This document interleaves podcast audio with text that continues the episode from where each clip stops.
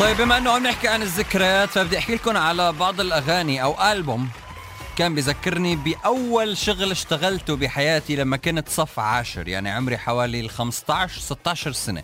أول شغل اشتغلته بحياتي. يا سادة كرام كانت الدنيا صيفية. يعني خلصت المدرسة وفي عنا صيف تقريبا ثلاثة شهور عطلة. فقلت لها لماما ماما حبيبتي هذا الحكي بال 2006 2006 2007 تقريبا هيك شيء فقلت لها ماما حبيبتي أنا بدي آه، أشتغل. أنا حابب يا ماما إني أشتغل. قالت حبيبي شو تشتغل؟ ما تشتغل. ليش لحتى تشتغل؟ ليش شو ناقصك لحتى تشتغل؟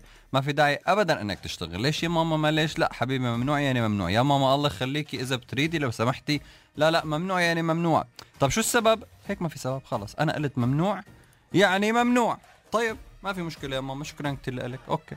أنا نزلت من البيت ورحت على أحد المحلات يلي موجودة بالسوق الرئيسي باللاذقية. أنا كنت باللاذقية بسوريا. فرحت على واحد من الماركات المشهورة الماركات العالمية لمحلات الأزياء. كان عم يفتح جديد.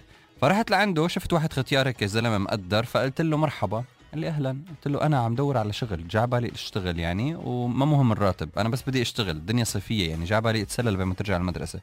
فطلع فيني قال لي في في جوا واحد اسمه رافي روح لعنده هو المدير قل له شو بدك؟ بركي بيساعدك. رحت لعنده مرحبا وين رافي؟ والله وين رافي؟ مرحبا رافي كيفك؟ طبعا هيك أنا رافع الكلفة يعني ولد صغير كنت. قلت له مرحبا كيفك؟ قال لي اهلين قلت له لازمك موظف بلا راتب. أنا صف عاشر طالع على الحادي عشر وحابب إني أشتغل. قام قال لي أنا لازمني موظف وبراتب. بيناسبك قلت له بيناسبني قال لي فينك بكرة الصبح تجي تبلش. وبالفعل ثاني يوم الصبح رحت بلشت وقلت لهم لأهلي أنا رايح أشتغل. طبعا صوتي هن الصدمة العجيبة. انه شو عم تحكي أنت؟ كيف يعني رايح تشتغل؟ كيف يعني زبطت شغل هيك بلحظة يعني؟ انه شو هالاعجوبه اللي زبطت معك؟ طبعا كان الراتب كتير حلو مقارنة بهديك الأيام. كان عن جد الراتب كتير حلو صراحة. بس شو الفكرة؟ ثاني يوم وأنا قاعد عم بشتغل بلشت الصبح بكير دوامي. الساعة 10 الصبح بلش من 10 الصبح لل 10 المساء وفي ساعتين بريك. فرحت الساعة 10 الصبح بلشت الدوام. بعد ساعة بلاقي مين داخل على المحل. طبعا المحل لساته مسكر. المحل لساته مسكر عم يفتحوه عم يجهزوه لسه ما فتح رسميا. بيدخل على المحل آه، الماما حبيبة قلبي خلي لي إياها يا رب فايتة على المحل. مرحبا.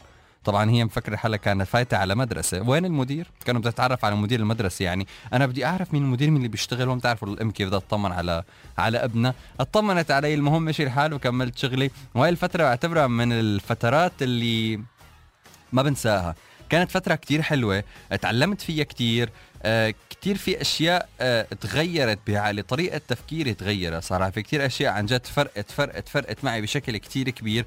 في أغاني كتير بتذكرني بهديك المرحلة. واحدة من الأغاني الحلوة هي آه أغنية آه أنا والليلة مروان خوري. فرح نسمعها سوا. مساكم ولا أحلى من هيك عم تسمعوا 99 العربية الموسيقى. اولا عن جد في أغاني دائما بتربطنا بفترة زمنية حلوة بحياتنا أو ممكن تكون ما كتير حلوة بس إنه تربطنا بشيء صح ولا لا؟ على كل هي كانت ذكرياتي مع الأغنية الحلوة. نيكست في حدا رح يطلع معنا تليفون قال له ألو. ويربح معنا جائزة حلوة من ساندسك وأيضا بده يحكي لنا القصة والغنية اللي اختارها. مساكن حلو؟ من شو حلو.